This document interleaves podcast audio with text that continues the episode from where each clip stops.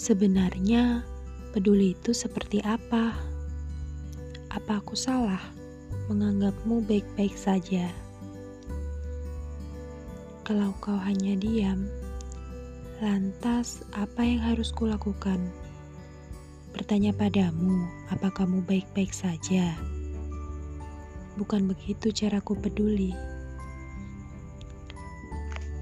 Peduli itu tak harus kau tanyakan menjadi telinga saat kau tak didengarkan, sandaran saat kau butuh kekuatan, menjadi waktu saat kau butuh ditemani. Aku akan menjadi syair, mengabarkan keresahan pada catatanku. Mungkin tak ada gunanya, tapi itu obatku. Karena aku juga butuh dipedulikan, sama seperti kalian dalam waktu bersamaan.